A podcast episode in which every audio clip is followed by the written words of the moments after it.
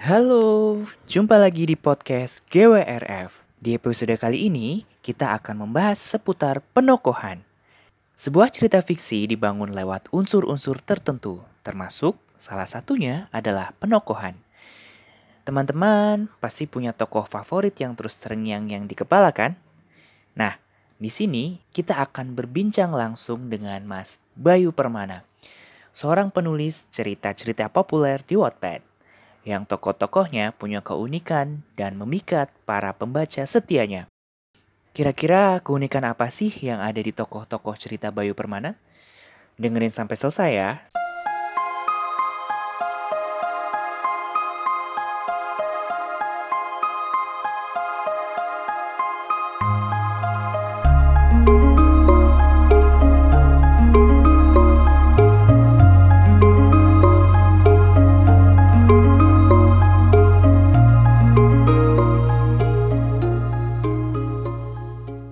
Oke, Mas Bayu Permana ini kan pernah diundang nih di GWRF 2019. Waktu itu temanya adalah Impress Millennials with Your Story. Cuman sayangnya kan tahun ini GWRF ditunda karena ada pandemi nih Mas. Semoga, ya memang kita berharap sih semoga pandemi lekas uh, hilang jadi kita bisa ngelaksanin GWRF lagi. Nah, Amin. kalau Mas Bayu sendiri kesan pertama saat mengikuti GWRF tahun lalu tuh gimana nih? Boleh diceritain? Yang pasti sih menyenang- menyenangkan ya karena eh, kita nggak bisa ketemu secara langsung sama pembaca gitu loh. Mhm. Paling interaksinya kayak balas-balasan komen ataupun mention di Instastory. Sedangkan dengan GWRF bisa tatap muka secara langsung gitu loh. Jadi udah ada wadahnya tersendiri karena aku pun merasakan kayak ketemu penulis ataupun orang yang karyanya disukai itu sensasinya tuh berbeda dibanding cuma kayak tatap-tatapan di em, sosial media gitu. Hmm, jadi ngerasain ketemu langsung terus ketemu apa ya? Berarti pembaca-pembaca setianya Iya. Mas Bayu gitu kan? Iya, Langsung. orang-orang yang mengapresiasi karya gitu. Hmm, hmm, hmm. Mas Bayu ini sekarang kan usianya baru 9, 19 kah? Iya, 19 tahun. Oke, 19 tahun tapi karyanya sudah cukup banyak ada 8 ya Mas? Iya. Mm-mm, ada delapan. Nah, mungkin bisa diceritakan sedikit kenapa sampai Mas Bayu itu tertarik untuk masuk ke dunia kepenulisan sebagai penulis muda gitu. Mungkin boleh diceritakan. Keinginan buat penulis sih berawal dari emang kecintaanku jadi membaca. Jadi dulu aku suka banget baca buku-bukunya kayak Agatha Christie dan waktu tahu buku-bukunya yang diterjemahkan aja itu udah ada 80 dan aku berpikir kayak kalau misalnya ada orang yang bisa berkarya sampai sebanyak itu, kenapa aku nggak bisa gitu loh. Dan keinginan untuk menulis itu ditambah ketika aku nggak menemukan bacaan yang sesuai dengan selera dan keinginan aku. Jadi dibanding misalnya kesusahan atau nyari ataupun misalnya ngomel karena nggak dapet yang sesuai selera aku, mending bikin cerita yang sesuai dengan selera aku itu. Hmm, oke. Ber- malah justru berawal dari tidak menemukan genre atau yang sesuai gitu ya. Genre atau bacaan yang sesuai. Jadi malah terinspirasi untuk akhirnya nulis karya sebanyak itu. Nah, eh, dengan usia masih 19 tahun eh, memiliki karya sebanyak itu, kira-kira apa sih Mas rahasianya eh, atau cara menjaga produktivitas agar tetap berkarya? Aku sih berpegang kedua hal ya kak. Yang Hmm. pertama adalah fokus waktu mengerjakan dan punya skala prioritas gitu loh. Kalau misalnya di waktu itu ada hal penting yang perlu dikerjakan, dikerjain dulu, baru Mhm. mau nulis. Karena kadang kalau misalnya kita kerjakan sekaligus, hasilnya malah berantakan gitu loh. Jadi Mhm. dibanding ngerjain dua sekaligus itu, mending kerjain dulu yang kewajiban di real life, misalnya ngerjain tugas atau apa pun itu, sehingga nantinya waktu nulis tuh bisa apa ya, bisa fokus, perasaan dan feel-nya bisa dapet, bisa produktif kayak gitu. Hmm. Dan yang kedua, itu biar produktif adalah selalu inget sama tujuan karena mungkin tiap penulis punya tujuan yang beda-beda buat nulis kayak mau dibaca orang, mau nuangin ide, mau bukunya terbit. Tapi kalau misalnya nggak ditulis atau berproses dengan nulis kan tujuannya juga nggak bakal tercapai gitu. Oke, berarti dua poin tadi ya. Oh, yang pertama me- menuntaskan kewajiban dulu. Mungkin hmm. kayak misalkan uh, karena sekarang posisinya kuliah, fokus dulu ke misalnya ada tugas, ngerjain tugas dulu gitu ya mas. Baru nanti yeah, lanjut betul. lanjut nulis gitu. Karena memang ketika nulis itu memang perlu ya suasana tenang, tempat yang mendukung yeah. segala macam gitu kan. Kalau lagi masih banyak yang uh, kewajiban yang belum dituntaskan, rasanya masih belum tenang. Oke, okay. uh, eh, dari delapan uh, karya tersebut sejauh ini yang paling diminati oleh para pembaca tuh karya yang mana mas? sebenarnya ada satu kayak pentalogi gitu dan mm -hmm. udah ada tiga cerita yang udah terbit mm -hmm. yaitu si My Possessive Bad Boy, Arta dan Shilang. Mm -hmm. Jadi itu ada hubungan keluarga gitu dan okay. kebanyakan pembaca suka sama seri itu. Terus mm -hmm. uh, menurut Mas Bayu sendiri kenapa uh, karya tersebut atau novel tersebut bisa jadi favoritnya para pembaca nih? Mungkin kalau dilihat dari respon-respon para pembaca uh, cerita itu terus kira-kira apa sih yang mereka highlight gitu dari dari cerita itu? Aku sih banyak menemukan komentar kalau mereka tuh menyorot tokoh-tokoh utamanya gitu loh. Jadi mereka menemukan ciri khas dari tokoh-tokohnya tersebut yang enggak mereka temukan di cerita yang lain. Misalnya hmm. Di cerita Arta kan hmm. ada si Arkan. Hmm. Si Arkan tuh kan kayak misalnya di teen fiction kebanyakan tokohnya jago basket, terus hmm. tinggi, terus misalnya badannya bagus tapi sedangkan hmm. si Arkan kayak kurus terus jagonya malah dance dan bukan olahraga jadi hmm. mereka menemukan yang beda dari yang lain gitu loh. Hmm. Oke. Okay. Nah terkait dengan tadi tokoh Arkan itu sendiri hmm. gambaran uh, laki-laki secara umum gitu ya dari sesuai dengan angka masyarakat. Bisa dijelaskan nggak mas kenapa uh, sampai Mas Bayu itu terinspirasi untuk membuat tokoh Arkan ini menjadi sedemikian rupa gitu? Yep.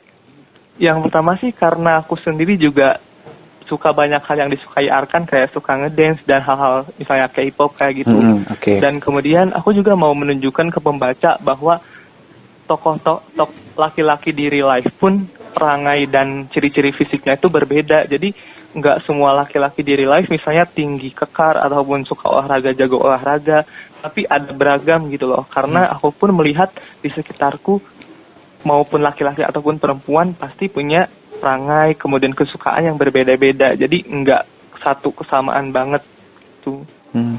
terus kalau uh, mungkin dari referensi sendiri uh, mas hmm? untuk menemukan tokoh Arkan itu mungkin kan, kan kan tadi uh, kenapa sampai membuat mungkin referensi pernah mungkin pernah baca atau kepikiran menggabungkan beberapa uh, karakter atau tokoh di uh, mana gitu untuk jadi sosok hmm. Arkan atau gimana?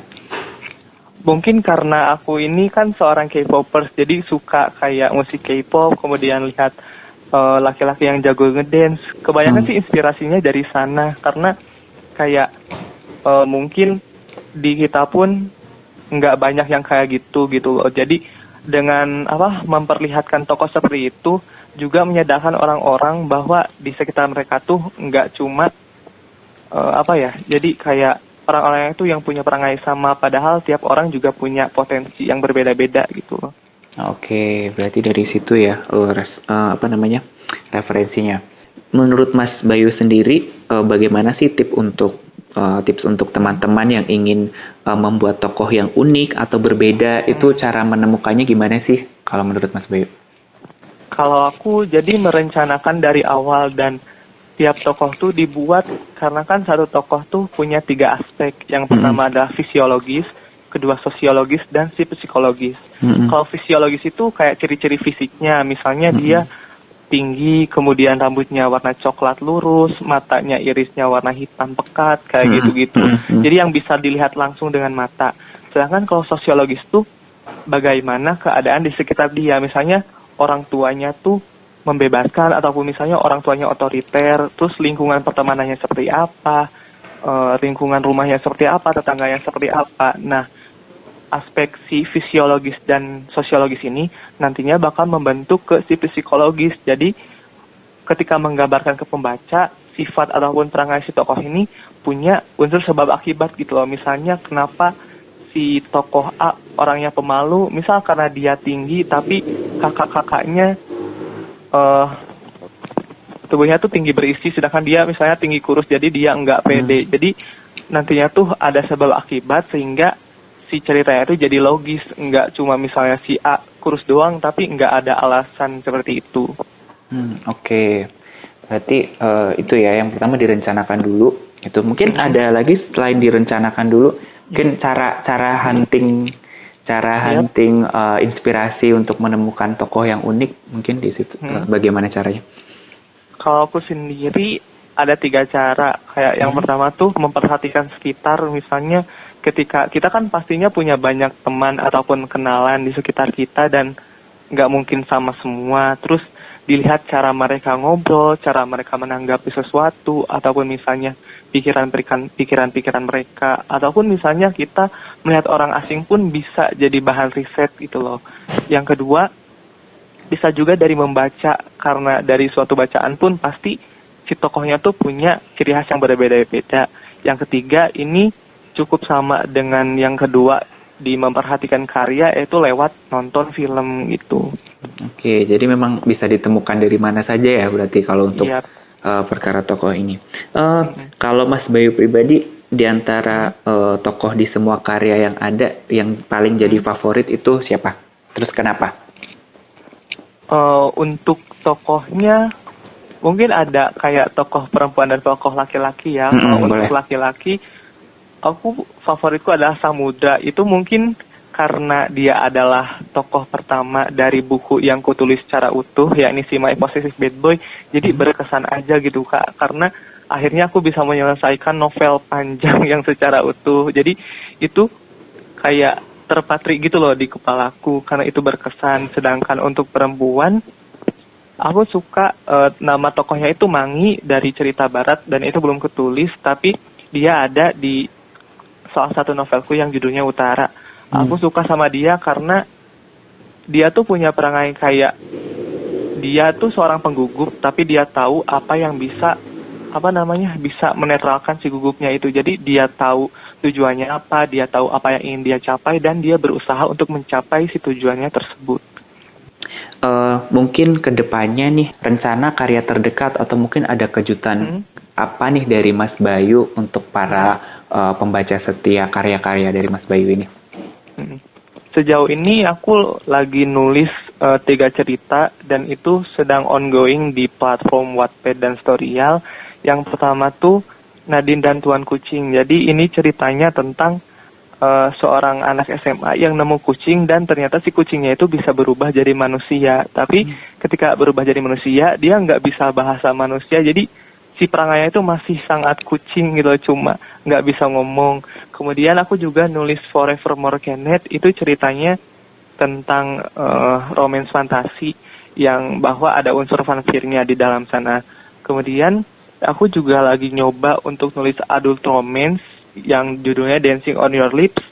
Uh, untuk ini aku juga nyoba untuk explore tokohnya lebih jauh. Misalnya kan karena seperti yang kita bicarakan tadi citra mm-hmm. cowok tuh kayak jago olahraga kemudian tinggi besar sedangkan di cerita itu aku nulis bahwa tokohnya tuh seorang vlogger uh, hmm. untuk urusan kecantikan tapi dia adalah seorang cowok gitu. Oke. Okay menarik menarik semua nih mas kayaknya untuk di hmm. nanti di uh, diikuti ceritanya. Hmm.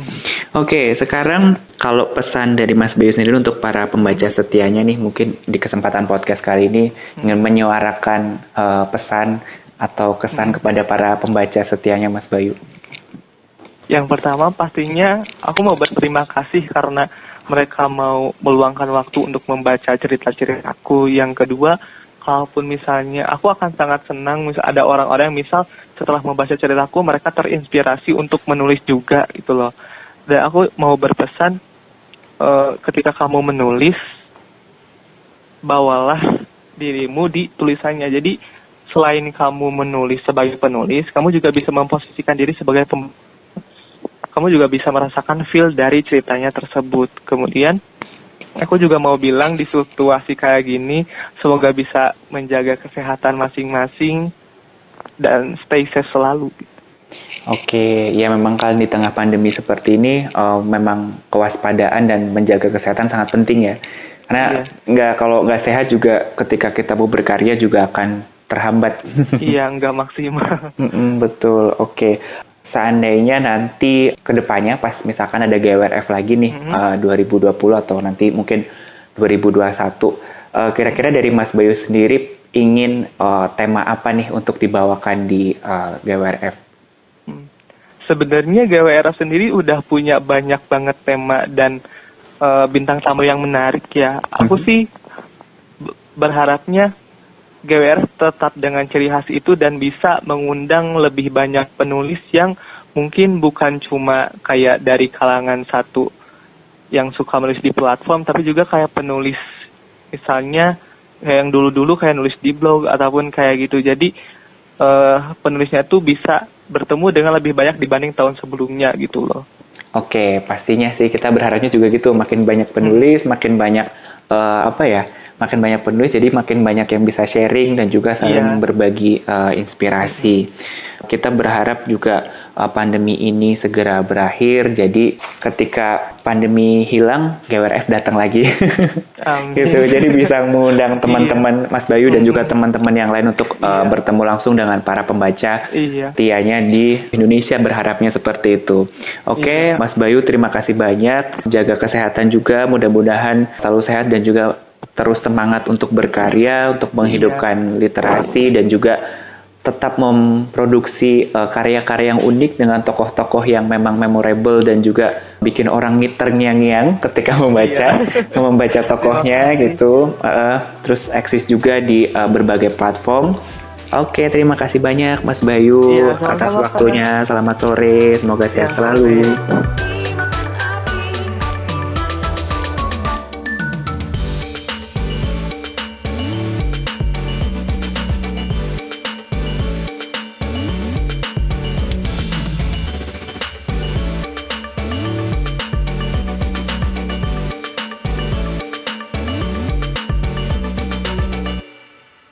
Buat teman-teman yang penasaran nih dengan karya-karya dari Bayu Permana, bisa banget dapetin bukunya di gramedia.com atau Gramedia Store terdekat dengan memakai layanan pesan bayar antar.